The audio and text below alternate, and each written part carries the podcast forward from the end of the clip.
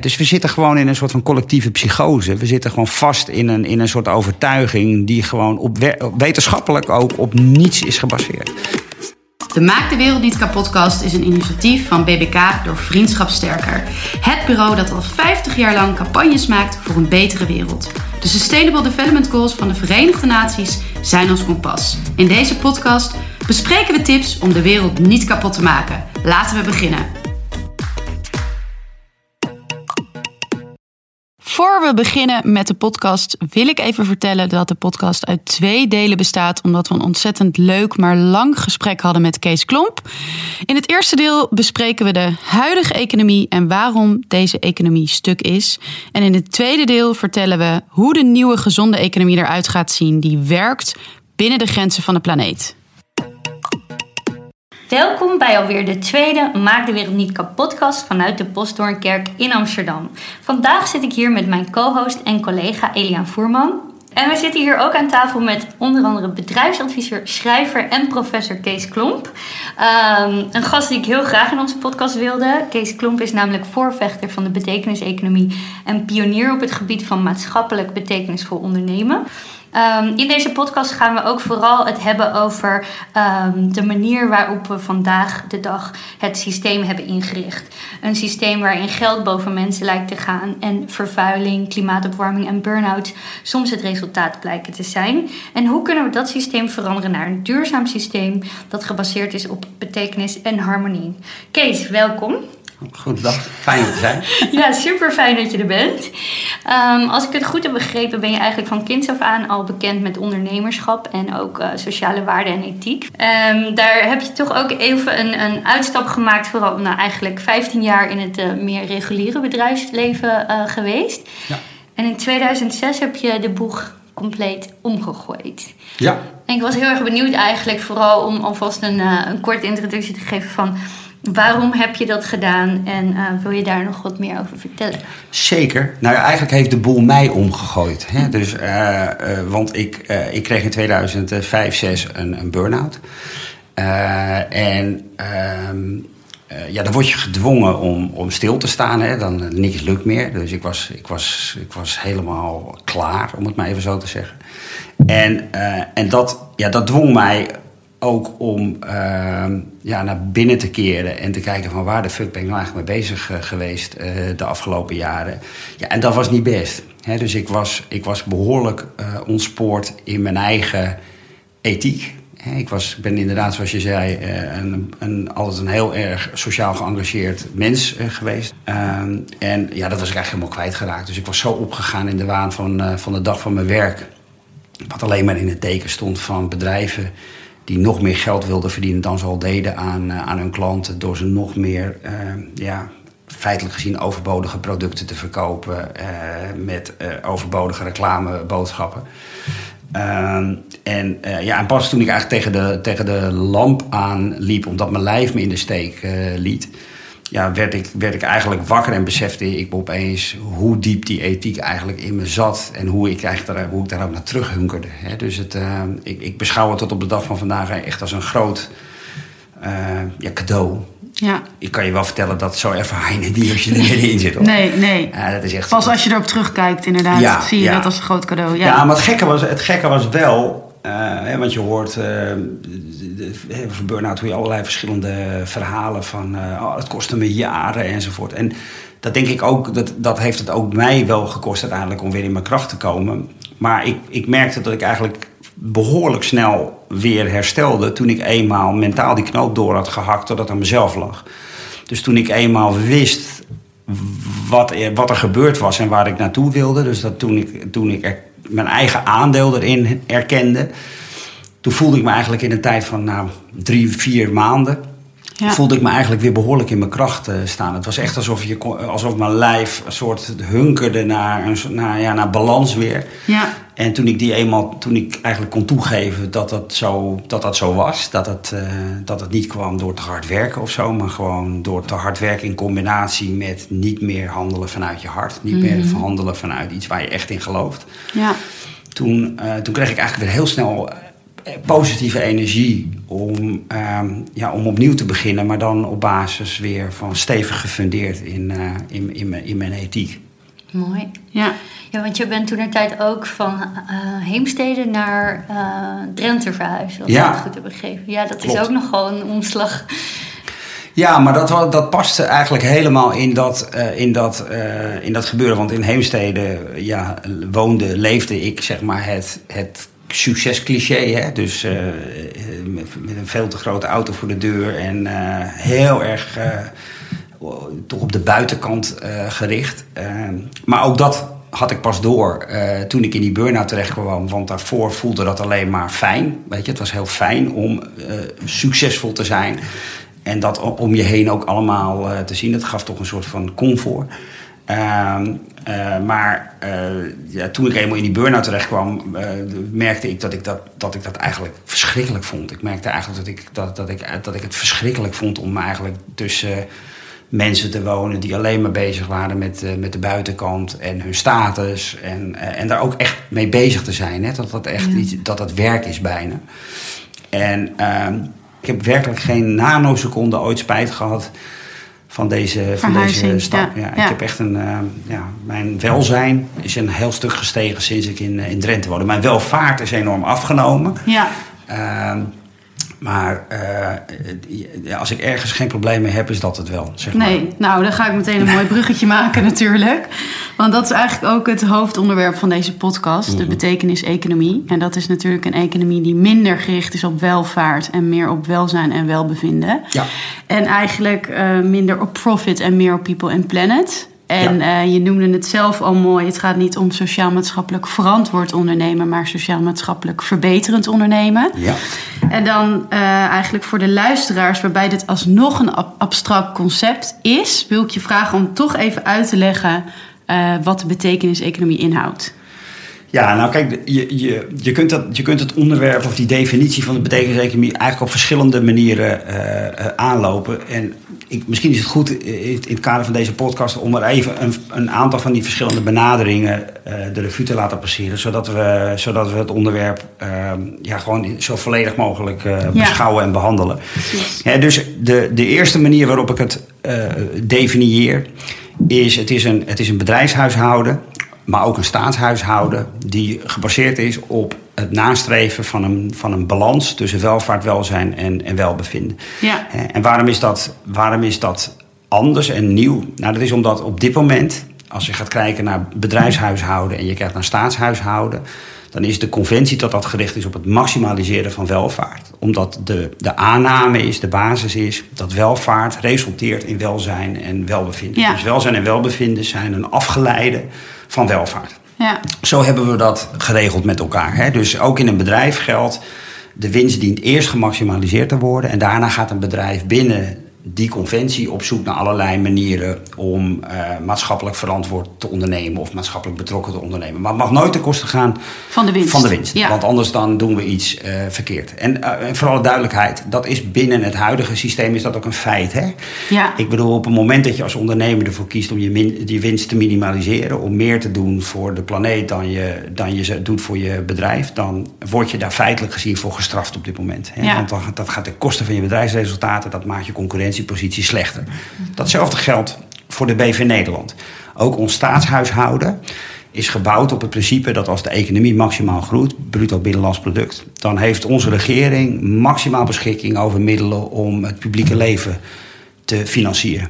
Dus hoe meer belastinggeld, hoe beter dat is voor de BV, eh, BV Nederland. Dus vandaar dat ook het hele regeringsbeleid gebaseerd is op economie op nummer één. Want die moet groeien en maximaliseren. En welzijn en welbevinden ja, is letterlijk afhankelijk van wat er op welvaartsgebied binnenkomt. Anders hebben we geen geld om te, te besteden. Nou, dat systeem gaat op zijn gat op dit moment. Maar daar, kunnen, daar gaan we straks ongetwijfeld nog verder over praten. Absoluut. Maar dat is, de, dat is definitie nummer één. Ja. Een andere definitie die meer op, op uh, bedrijfseconomie zit... maar die je ook kunt toepassen op, uh, op, staats, uh, op het staatshuishouden... is het, het optimaliseren van bedrijfseffectiviteit of efficiency... wat een belangrijk onderdeel is van, van economisch denken. Onlosmakelijk is gekoppeld aan het maximaliseren van... of het optimaliseren van maatschappelijke efficiëntie en effectiviteit. Hè. Dus in tegenstelling dat de manier waarop bedrijven en de staat op dit moment opereert, dat alles gericht is in eerste instantie op die zakelijke efficiëntie. Dus dat we, dat we proberen om tegen zo laag mogelijke kosten en tegen zo hoog mogelijke opbrengsten te produceren, consumeren, distribueren of allokeren. Dat wat een economie uh, is. Ja. Uh, zegt de betekeniseconomie. Dat gaan we onlosmakelijk koppelen aan die maatschappelijke waarde die je creëert. Dus het is niet zo dat die twee werelden eigenlijk gescheiden zijn, maar die worden onlosmakelijk met elkaar uh, verbonden. Dat wat voor sociaal ondernemers bijvoorbeeld de normaalste zaak van de wereld is. Ja. Maar wat voor corporates totaal absurd is. Ja. He, want dan ook uh, corporates dienen de aandeelhouder en uh, dat, is, dat staat op nummer één. En, uh, en daarbinnen willen ze dan best verantwoordelijkheid nemen door hun supply chains onder ogen te komen of allerlei andere, vooral filantropische activiteiten te doen. Maar zakelijke efficiëntie staat op nummer één. En ja, alles wat er dan maatschappelijk overblijft is mooi meegenomen, maar het is geen doelstelling. Nou, ik, dat is wat mij betreft fundamenteel anders in die, in die betekenis-economie. Ja. En een, derde manier om het te bekijken, om, dan, om, om het plaatje rond uh, te, te, maken als het gaat over perspectieven, is, is, dat het, is dat de primaire schaarste, die altijd heel belangrijk is in, in economie. Het gaat altijd over de productie, consumptie, distributie van schaarse uh, middelen, allocatie van schaarse middelen. In de betekeniseconomie bepaald wordt door wat ik ethisch existentiële uh, producten en diensten uh, noem. Of geëngageerde producten en diensten. Dus de primaire schaarste die wij als, als bewoners van dit land... of als medewerkers van een bedrijf of als klanten van een bedrijf... gaan, ja, gaan, gaan, gaan uiten, die bepalend gaan worden voor bedrijven... is het feit dat wij, dat wij bedrijven willen die wij als maatschappelijk betekenisvol uh, bestempelen. En dat betekent dat wij niet langer alleen maar willen van bedrijven dat ze een verhaaltje vertellen over de aandeelhouders en hoe ze hun best doen om de belangen van de aandeelhouder het zo, zo goed mogelijk te vertegenwoordigen. Maar wij willen dat ze zich net zo hard als om de, om de maatschappij bekommeren en de belangen ja. van de bewoners van de maatschappij. Als om de aandeelhouders. Als om de aandeelhouders. Ja. En dat is een, dat is een fundamenteel uh, uh, verschil ja. ook ten opzichte van het huidige systeem. Dus het is al met al is het een ander systeem. Hè? Het, is, het, is, het is niet een, een soort marginale uh, ontwikkeling in, de, in, in het bestaande systeem. Of zelfs een dominante ontwikkeling in het, in het bestaande systeem, waar je, waar je duurzaamheid bijvoorbeeld onder zou, uh, zou kunnen uh, rekenen. Het is echt breken met de conventie die nu is en eigenlijk op een heel andere manier kijken naar wat is nou de taak en de rol van een economie? Wat is nou de taak en de rol van een, van een bedrijf? Ja, en klopt het dat, het dat dit na de recessie vooral ineens aan de hand was? Dat de betekenis-economie ineens terrein pakte? Ja, want crisis, crisismomenten zijn over het algemeen uh, leermomenten. Net zo goed als dat COVID nu een enorm leermoment uh, is. Overigens denk ik dat we nog steeds bezig zijn om de verkeerde lessen te leren. Maar goed, dat, uh, dat, dat, dat, gaat, dat komt vanzelf op zijn, zijn pootjes terecht. maar 2008 heeft ons geleerd dat, ja, dat de, de, de economie zoals we die hebben gecreëerd met elkaar... waarin vooral de financiële economie ontzettend dominant is geworden ja, zich eigenlijk volstrekt onhoudbaar en onrealistisch ontwikkelt. En, ja, en, dat, en, dat, en dat creëert bezinningsmomenten. Ik denk overigens dat de bezinning die zich nu aan het afspelen uh, is en in de komende jaren vele malen diepgravender gaat zijn dan die in 2008. Ja, 2008 ja, was toch een financiële crisis. Ja. En nu beginnen we te, be te, beseffen dat we een systeemcrisis hebben. En die Ja. is veel ingewikkelder en ook veel ingrijpender. We gaan het hier zo meteen uitgebreid over hebben. Ehm, ik ben heel benieuwd, omdat het eh, toch gaat over betekenisvol ondernemen. Ja. Eh, en kijk, welvaart en winst kan je heel goed meten, namelijk in geld. Ja. Maar dan is toch wel de vraag, omdat je zegt een systeem breken. Dat gaat ook over nieuwe spelregels creëren. Ja. Eh, dus moet je, denk ik, eh, correct me if I'm wrong, ook andere dingen gaan meten. Ja. Ehm, heb je daarover nagedacht? Want hoe kan je betekenisvol ondernemen? Hoe kan je dat meten? Tuurlijk. Uh, nou, kijk, we hoeven, we hoeven eigenlijk niks nieuws te meten. We moeten nieuwe dingen waarderen. En dat is een groot verschil. Hè? Dus uh, kijk, want uh, welbevinden en welzijn, subject, ons subjectieve ervaring van de kwaliteit van ons leven, geluk, welbevinden en welzijn, de objectief meetbare kwaliteit van onze leefomgeving. Aan de hand van allerlei uh, sociale en ecologische criteria. Bijvoorbeeld de mate van biodiversiteit of bodemgesteldheid of luchtkwaliteit. Of uh, de mate van eenzaamheid of sociale inclusie. Dat, zijn eigenlijk allemaal, dat is allemaal data die beschikbaar is. Die meten we al decennia lang. Er, zijn, er, er worden al tientallen jaren allerlei geluksonderzoeken uitgevoerd. Er worden ook al tientallen jaren welzijnsonderzoeken uh, uh, gebruikt. Dus al die data is beschikbaar. Wat we alleen niet doen, is het gebruiken in de zakelijke context. Dus we scheiden, we scheiden welzijn en welbevinden volledig van welvaart. Het barst van de bedrijven die naast hun klassieke financiële jaarverslag tegenwoordig een maatschappelijk jaarverslag uh, uh, hanteren en maken. Waar het fout gaat, is dat het maatschappelijke jaarverslag uh, eigenlijk waardeloos is. Dus de, bedrijven worden er eigenlijk niet op afgerekend, of niet of nauwelijks op afgerekend. In ieder geval niet op de, op de harde manier waarop ze af worden gerekend op hun financiële resultaten. He, dus als ik het even plat sla, als een bedrijf financieel, met de financiële, het financiële jaarverslag in rode cijfers uh, rapporteert, dan hebben we paniek. Dat zie je nu met de KLM, dan hebben we meteen gedoe.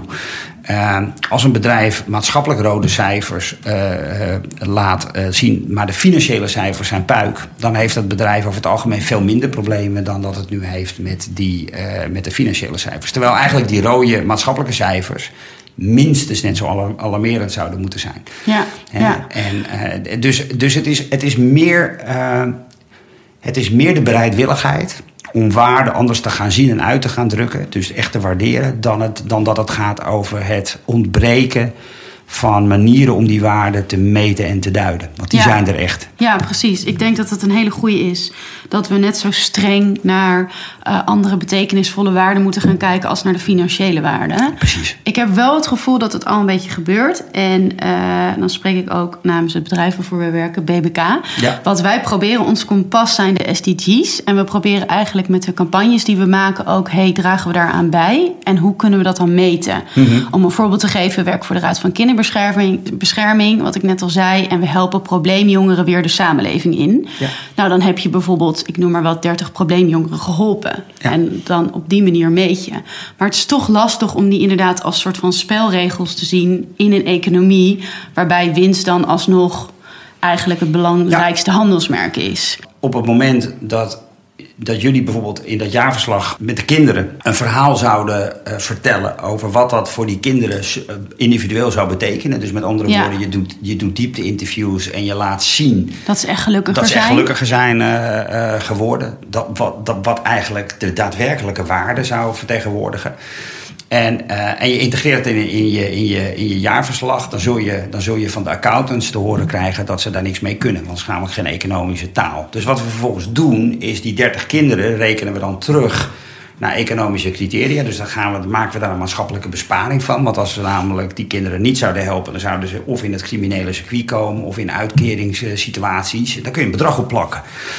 En dat bedrag kunnen, die, kunnen economen dan mee, eh, mee werken. En dan zeggen ze, nou, dus de besparing die jullie hebben gedaan Ja. per kind is ongeveer zoveel voor de gemeenschap. En het verneukeratieve is nou, die economen hebben natuurlijk geen ongelijk. Hè, Het is niet zo dat ze ernaast eh, zitten. Het is alleen een ontzettende grote amputatie van wat een mensenleven daadwerkelijk waard is. Ja, Wat is de waarde van bodemgesteldheid? Goede bodemgesteldheid. Nou, daar kun je ook een bedrag op, eh, op, eh, Ja. op, op planten. Maar is dat nou daadwerkelijk? Hè? Want dat betekent namelijk, de gedachte die erachter zit, is dat die grond dus een resource is.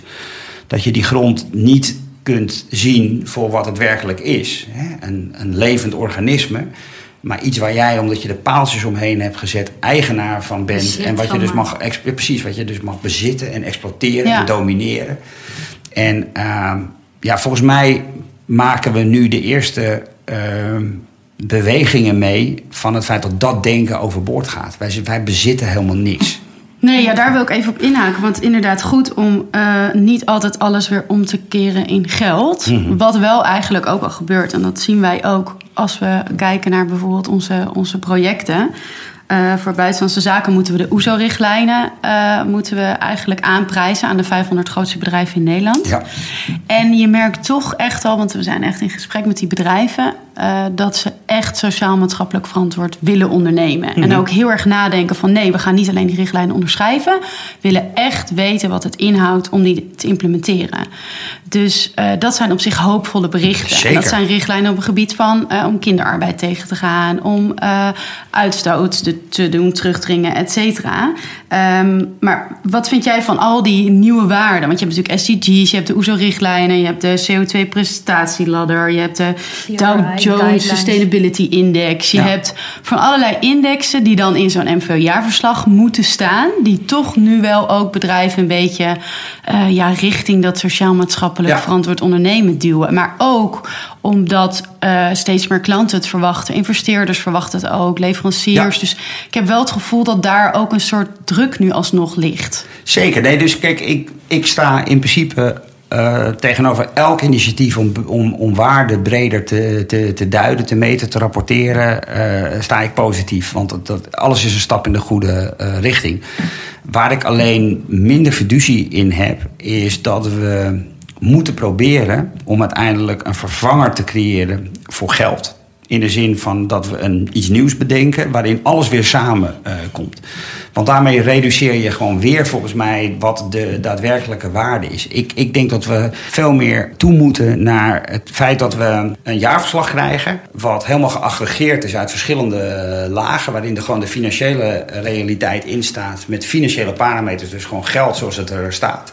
Er staan ecologische parameters in, er staan sociale parameters in, er staan individuele parameters eh, in, die allemaal worden gemeten, gewaardeerd, geduid op basis van hun eigen merites. En de optelsom vertelt meer over het eh, bedrijf dan dat alleen de zakelijke realiteit eh, vertelt. Ja, en ja. Ik, denk dat, ik denk dat dat iets is waar we nog ontzettend aan moeten wennen. Ja. Want we, na- we zijn namelijk zo geïndoctrineerd met die economische taal, met die taal van geld, dat we alles wat we nu lezen voelt en feitelijk gezien ook niet meer is dan een appendix bij de financiële realiteit van een bedrijf.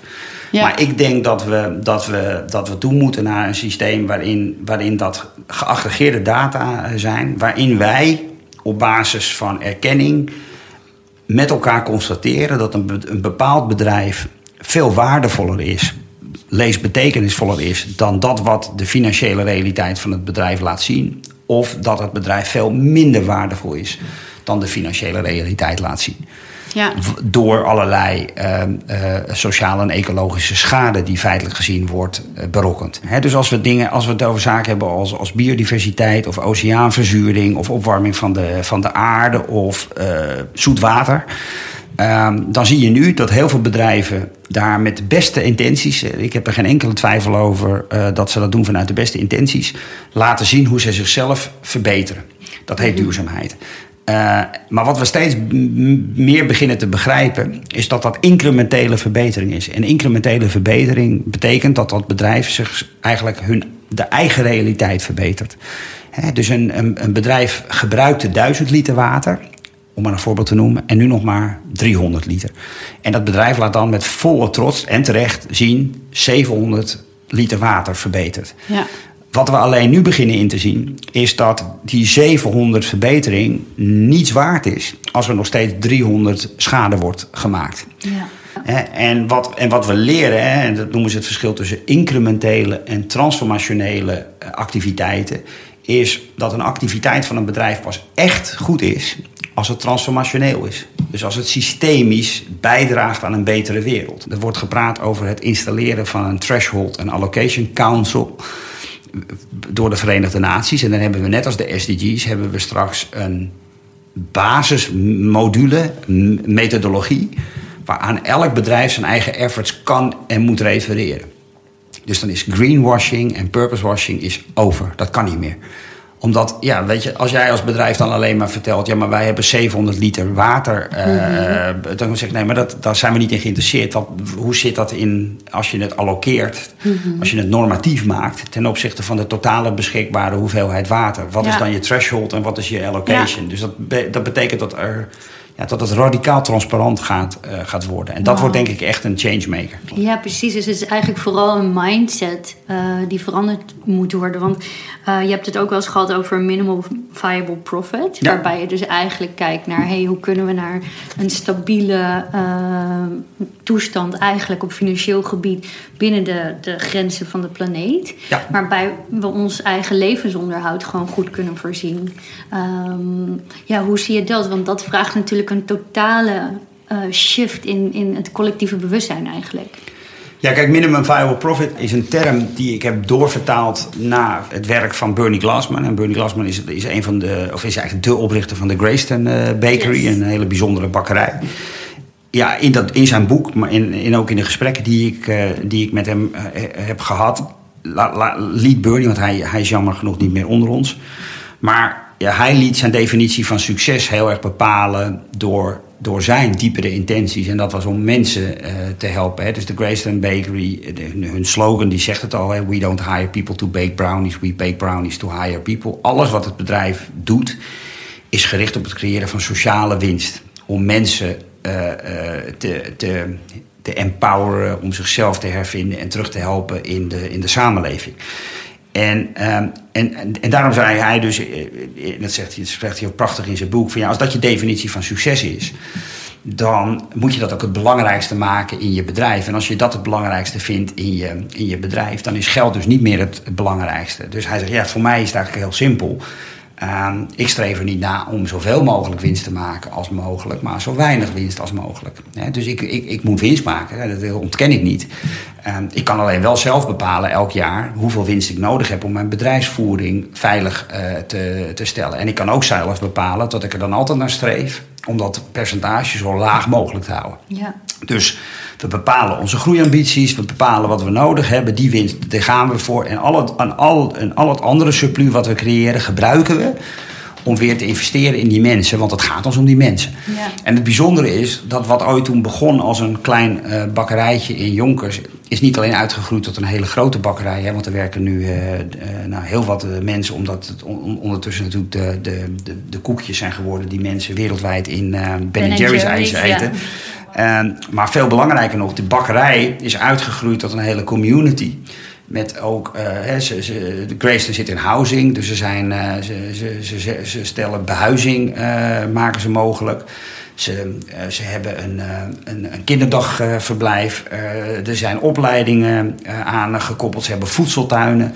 Eh, echt een, een enorme verbreding van hun scala. Omdat dat allemaal in, interventies zijn die, die blijken enorm bevorderlijk te zijn in mensen terughelpen, duurzaam naar werk en, eh, en zelfherstel.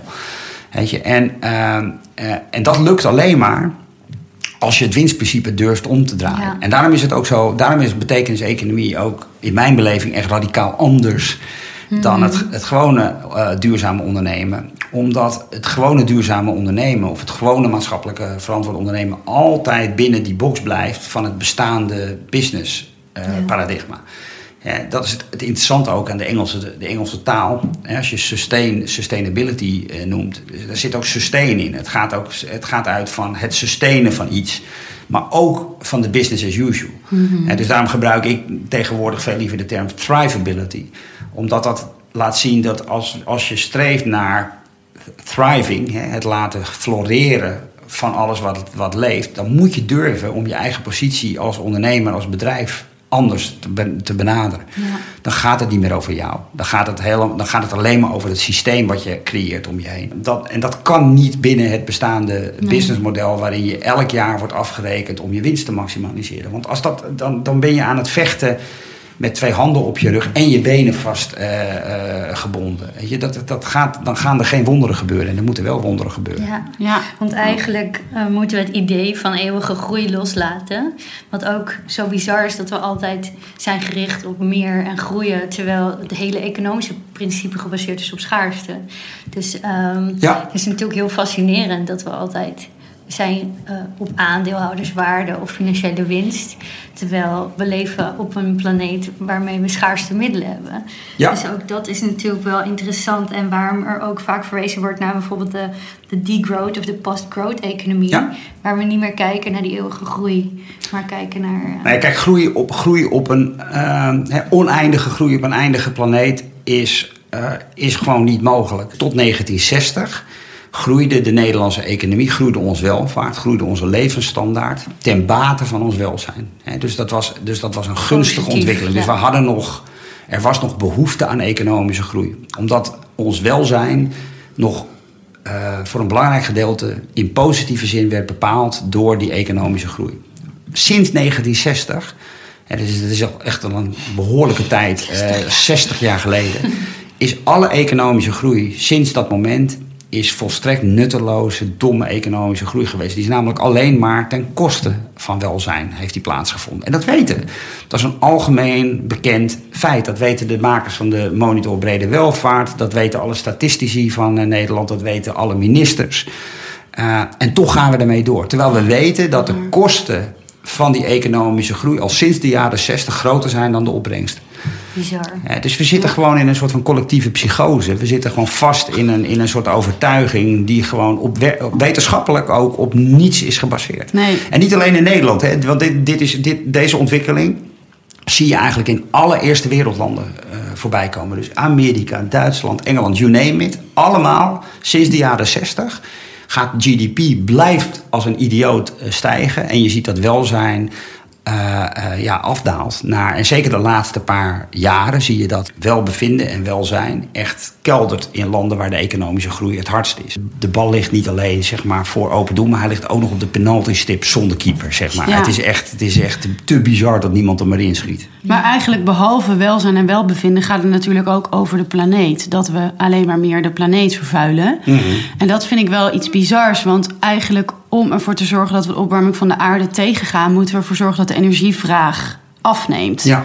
En hoe zorgen we ervoor dat de energievraag afneemt? Dus dat zorgen we ervoor om de groei terug te dringen. Dus we worden eigenlijk genoodzaakt, willen we iets doen aan die energievraag... om op iets anders te gaan focussen dan groei. Ja, nou kijk, kijk ik, ben, ik, ben een enorme eh, voorstander van degrowth, ontgroeien, krimpen. Hè? En, eh, en dat is zo'n, denk ik zo'n beetje het meest controversiële onderwerp in economische eh, kringen. Maar naar mijn bescheiden mening eigenlijk het enige, de enige echte remedie tegen wat dan overontwikkeldheid wordt genoemd. Hè? Dus dat, dat kantelpunt na 1960 wordt door nieuwe economen, waaronder Catherine Trebek, de, het stadium van overontwikkeldheid genoemd. Dus er bestaat zoiets als onderontwikkelde landen, daar hebben we allemaal een beeld bij. Maar er bestaat dus ook zoiets als overontwikkelde landen. En Nederland is een klassiek voorbeeld van een overontwikkeld land.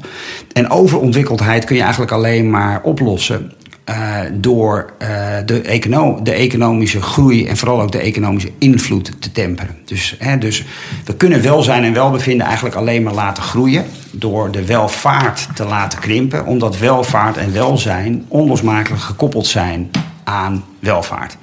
Hè, dus eh, willen wij bijvoorbeeld eh, iets doen aan de enorme golf in burn-out en eenzaamheid en, eh, enzovoort, dan moeten we iets doen aan welvaart. Omdat blijkt dat heel veel van de eh, individuele, de, de schade die mensen nu op individueel vlak ervaren in de vorm van bijvoorbeeld burn-out, is gekoppeld aan economische groei. Dat is een gevolg van Ja, het ja, ja. Als je gaat kijken naar de ecologische toestand van de wereld, klimaatverandering, ineenstorting van de biodiversiteit, plasticvervuiling, zijn allemaal één op één gevolgen van economische groei. Dus Ja. willen we daar Ja. iets aan doen, dan zullen we dat, kunnen we dat niet oplossen eh, en tegelijkertijd door blijven groeien. Nee, we moeten de oorzaak aanpakken. En de Ja. enige oorzaak die er is, is die economische groei. Ja, precies. Exact. Alleen, daar lopen wij. Wij zijn zo ongelooflijk vergroeid met het idee dat de economie moet groeien. Want eh, als GDP groeit, dan gaat het goed met ons land. Dat we allemaal collectief in paniek raken op het moment eh, dat, eh, dat er een tegengeluid eh, komt. Omdat we dat associëren met recessie, met, eh, met banenverlies, met werkeloosheid. Met al die narigheid die we, die we kennen, waar we nu ook weer met corona natuurlijk weer in zitten. Ja, dat is eigenlijk meteen waar, waar we het nu over willen gaan hebben, inderdaad. Want deze periode, ja, het lijkt erop of we met z'n allen gaan kijken wat is weer echt belangrijk. En Ja. op allerlei niveaus. Je kijkt ook van hoe deel ik mijn werktijd in en eh, waar werk ik, met wie werk ik, wie vind ik belangrijk. Eh, hoe word ik gelukkig in mijn kleine kring? Eh, er zijn heel veel beperkingen gekomen. Natuurlijk ook heel veel narigheid vanuit de crisis. Maar ik ben heel benieuwd of jij dus denkt dat deze tijd misschien wel ervoor gaat zorgen dat de betekenis-economie heel veel terrein gaat winnen. Ja, dat, dat, dat, dat, weet ik, dat weet ik eigenlijk heel zeker. Maar, zeg ik erbij, ik, dat zit niet zozeer in, het, in de ecologische plaagstoot die, die COVID uh, heet. Hè. Uh, want, want het is niet meer dan een plaagstoot. We hebben nu te maken met een economische ontwrichting van een aantal maanden. Terwijl we weten dat de, de ineenstorting van, van, de, van biodiversiteit en klimaatverandering een ontwrichting van jaren, decennia gaat, uh, gaat, gaat opleveren. Weet je, en uh, kijk, de reden waarom ik ervan overtuigd ben dat het zo gaat, uh, gaat zijn, zit in de, in de constatering dat COVID een unieke situatie uh, oplevert als het gaat over de oorzaak, de veroorzaker van de economische crisis. Kijk, economische crisis die zijn zo oud als de weg naar Rome en die horen, die zijn een onderdeel van ons economische systeem, hè, wat heel erg op groei is gericht. Dus uh, uh, als je gaat kijken naar de afgelopen uh, een paar honderd jaar, kapitalisme, neoclassieke, neoliberale economie, dan zie je dat we om de zoveel decennia hebben we te maken met een economische crisis. En eigenlijk altijd is die crisis een interne feedbackloop van het systeem om zichzelf te corrigeren. Dus als de economische groei te hard gaat, dan krijg je een bubbel. En op een gegeven moment moet die even barsten om het economische systeem weer even te, uh, ja, te laten aarden, zou je kunnen, kunnen zeggen. Om het weer een beetje op een. Op een, dus het is, je zou kunnen zeggen, op een hele gekke manier is het een goede ontwikkeling. Een soort van noodzakelijk kwaad, wat uiteindelijk zorgt dat het systeem zichzelf in stand uh, houdt. Uh, maar wat nieuw is nu, is dat de ontwrichting niet intern van, en die komt niet uit het systeem, zoals de laatste crisis in 2008, wat, een, mm -hmm. wat uit het systeem kwam. Hè. Er, was een, er was een hypothekenbubbel gecreëerd en die was op een gegeven moment te groot. Maar we hebben nu te maken met een virus wat onze economie lam legt. En de reden waarom dit een bepalend moment gaat zijn in de, in de geschiedenis van ons, de, de mensheid en ook van, van de, laten we zeggen, de economische uh, geschiedenis, is het feit dat we gaan erkennen dat er nog veel meer van dit soort externe ontwrichtingen gaan, uh, gaan, gaan komen. En dat we de economie zoals we die nu hebben gebouwd, die heel erg op kwantiteit zit en op groei en groot en heel veel importeren en heel veel exporteren, wereldhandel, volstrekt onhoudbaar is met de, in de wetenschap van die externe ontwrichting. Ja. He, dus we hebben ook in Nederland, en dat zien we nu, een economie gecreëerd die zo ongelooflijk dominant en daardoor zo ongelooflijk gevoelig is voor externe ontwrichting. Dat er daadwerkelijk maar een virus hoeft te komen van een paar maanden, wat Nederland in een enorme afgrond uh, stort. En niet alleen Nederland, het, al die landen die een economie hebben gecreëerd die super dominant is. Mm -hmm. He, dus ik denk dat we nu in de komende jaren steeds meer wakker zullen gaan worden. En, uh, en daar gaat de ecologie ons bij, bij helpen. Daar gaat de natuur ons bij uh, helpen. Want uh, ten eerste blijft het niet bij COVID, maar zullen we zien dat er meer pandemieën gaan, gaan komen. Maar vooral die ontwrichting die, die steeds nadrukkelijker plaats gaat, gaat vinden van klimaatverandering. Hè, waarvan we altijd dachten dat het over een paar generaties zou gaan opspelen. Maar het speelt nu al op. Ja. Uh, ja, dat gaat ervoor zorgen dat, uh, dat, dat wat we bijvoorbeeld nu meemaken in de luchtvaartindustrie uh, de norm gaat worden. En dus, en dus is de kunst. Hoe bouw je dan een economie die veel veerkrachtiger is en veel ja. weerbaarder is voor dit soort economische ontwrichting dan degene die het nu is? Nou, en dat is.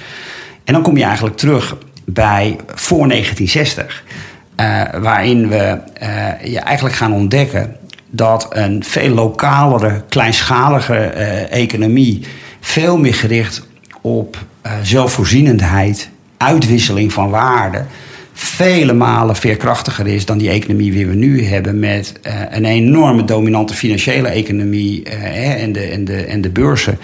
en eigenlijk een volstrekt onderges ondergeschikte rol voor de lokale economie. Ja. En terwijl de lokale economie straks vele malen beter in staat zal zijn om uh, de, de ontwrichting die extern plaatsvindt het hoofd te, te bieden. Ja. want de grote corporates zijn nou ja, 100% afhankelijk van wereldhandel, van transport over de, over de hele wereld, van aandeelhouders die winst gemaximaliseerd willen, willen worden. En je ziet bijvoorbeeld met KLM wat er gebeurt als er even een paar maanden uh, mm. uh, een kink in de kabel komt. Ja, nou, de wetenschap ja. dat het niet over een paar maanden gaat, maar over een paar decennia. Ja, dan kun je je voorstellen dat dat soort bedrijven zijn gewoon helemaal niet in staat om te ja. overleven. Dat is kansloos. Ja. En wat vind je dan van, van alle uh, investeringen van landen nu? Natuurlijk om de economie te redden. Wordt er overal geïnvesteerd, zelfs in luchtvaartmaatschappijen, in vervuilende bedrijven. Om nou, er wordt geld bijgedrukt. Dat is wat anders, hè? Ja. Het heet investeren tegenwoordig, maar het is gewoon de geldpers aanzetten Ja. en meer schuld creëren. En zelfs op die manier dat ze hun klimaatambities vergeten. Zelfs aangekondigd dat Ja. ze hun CO2-heffingen even mogen versoepelen. Wat vind je daarvan?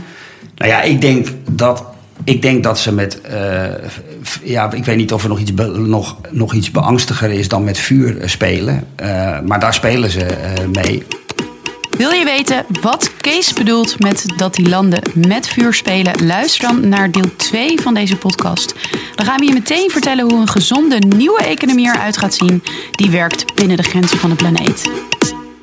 Bedankt voor het luisteren naar de Maak de Wereld Niet Kapotkast. Wil je nou meer weten over de thema's die we hebben besproken? Ga dan even naar doorvriendschapsterker.nl.